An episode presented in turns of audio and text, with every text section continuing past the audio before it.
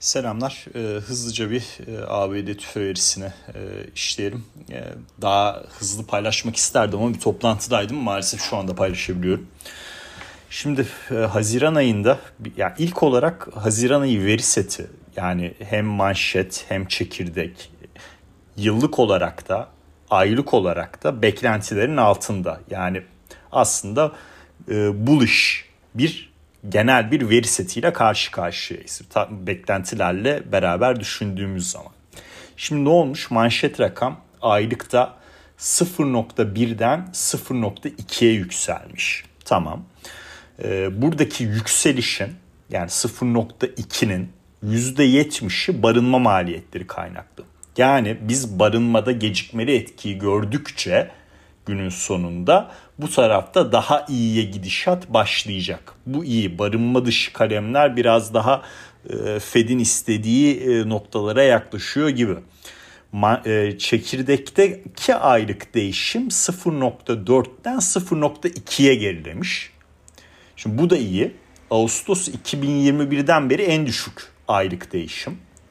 Yani e, biz e, yıllık bazda yıllık bazda e, manşette bir baz etkisi olacağını biliyorduk. Ki baz etkisini de gördük. Manşet rakam yıllıkta %4'ten %3'e geriledi. Ama çekirdekte aylıkta bir gerileme yaşanması 0.2'ye ulaşılması ve Ağustos 2021'den beri en düşük rakam olması oldukça pozitif. Yıllıkta e, çekirdeğe baktığımızda da 5.3'ten 4.8'e gerilemiş. Burada %5 gerçekleşmesi bekleniyordu. Ben sabahki podcast'te %5 veya 6 gelirse işte endeksler pozitif, altın e, pozitif, e, ABD tahvil getirileri negatif, tahvil fiyatları pozitif ve e, dolar endeksi negatif şeklinde yorumlamıştım. Yani euro dolarda bir süre daha e, bir yükseliş olabilir diye. E, orada Temmuz ayı e, hedeflerim çok hızlı bir şekilde gerçekleşti. Gerçekleşmeye yakın diğeri de. 1.10 ve 1.11 hedeflerim vardı. 1.10'u zaten geçtik. 1.11'e de çok yakınız. Şimdi tabii bu durum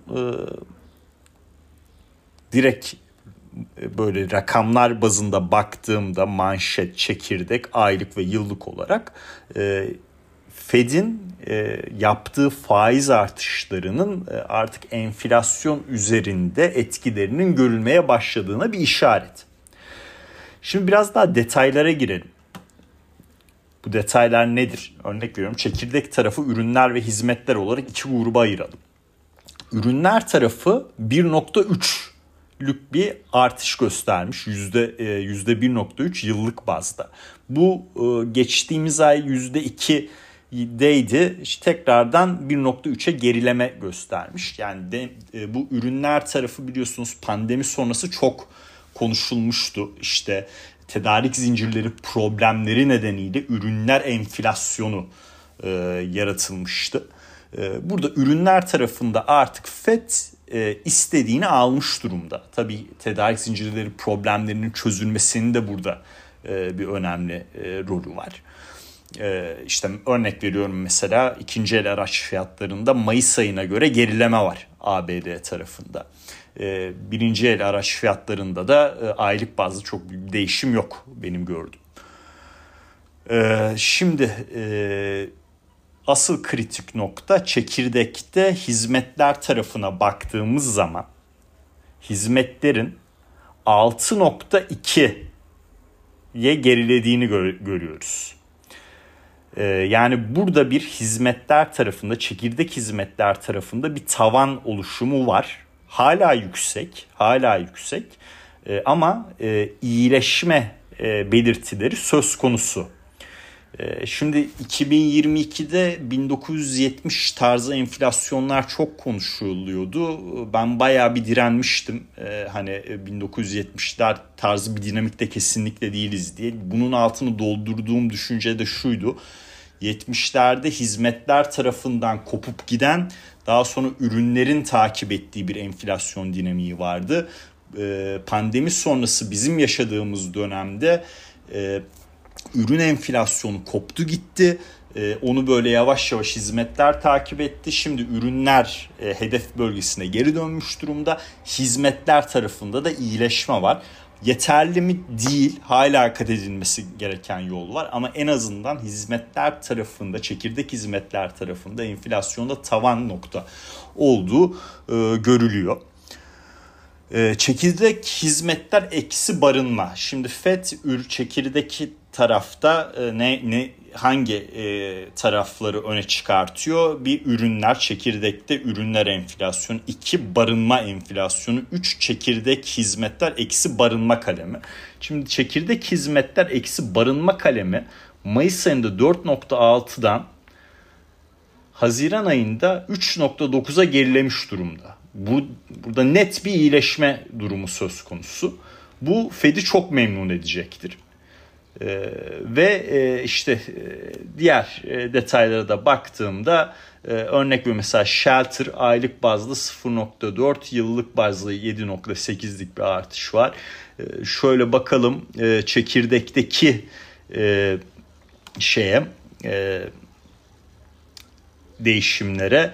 E, burada e, enerji ve gıda dışı ham maddelerde e, aylık bazda 0.1'lik eksi rakam açıklanmış. Yani Mayıs'a göre daha düşük noktadayız. İkinci el araç fiyatları dediğim gibi Mayıs'a göre daha düşük noktadayız. Ee, birinci el araç e, fiyatları yeni araçlar e, değişim göstermemiş.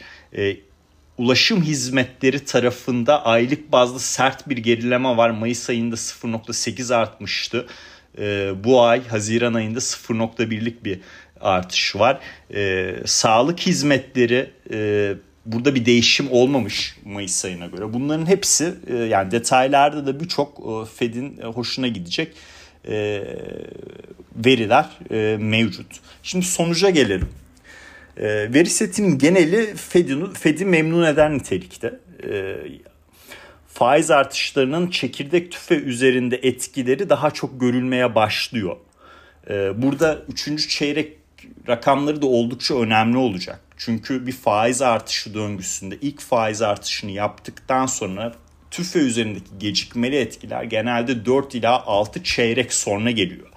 Ee, dolayısıyla 2022 Mart ayında ilk faiz artışı yapıldığı için ben 3. çeyrek 2023 3. çeyrek verilerini oldukça önem arz ediyorum. E, Temmuz ayında bu değişikliğe sebebiyet verir mi? Faiz artış fiyatlamalarında terse dönüş yaratır mı? E, Valla arkadaşlar ben defalarca söyledim. E, yani e, yani bence doğru olan Temmuz'da yapılmaması ve Eylül ayında bunun e, tekrardan masaya gelmesi. Neden? E, gecikmeli etkiyi daha fazla veri setiyle görebilmek için. Ama çok büyük bir ihtimal Fed bunu tercih etmeyecek. Temmuz ayında artışa gidecektir diye düşünüyorum. E, ama bu güvercin bir artış da olabilir. E, neden böyle bir şey diyorum?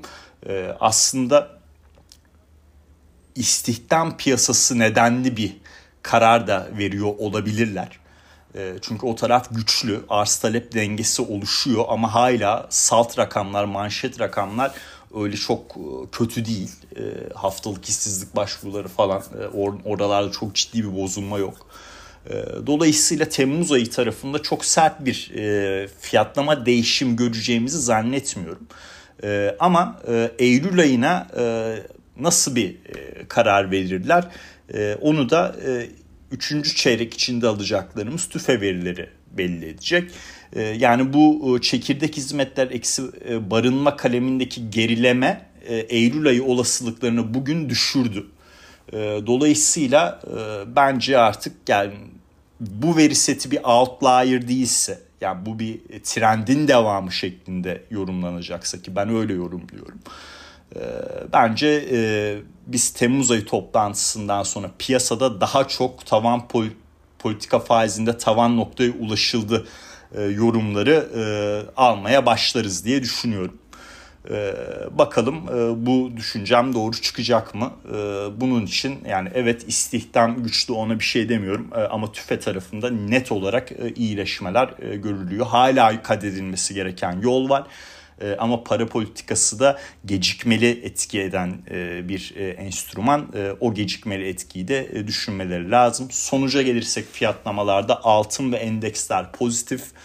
E, dolar endeksinde de yakın zamanda 100 psikolojik desteğini test ederiz diye düşünüyorum. E, bu desteğin 100 seviyesinin aşağı kırılıp kırılmayacağı yani euro veya pound tarafından değil bence yen tarafında belli olacak. Orada USD JP'ye 145'lerden işte 139'lara geriledi.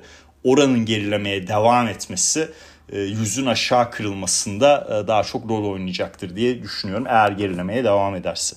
Dinlediğiniz için teşekkürler. Herkese mutlu günler dilerim.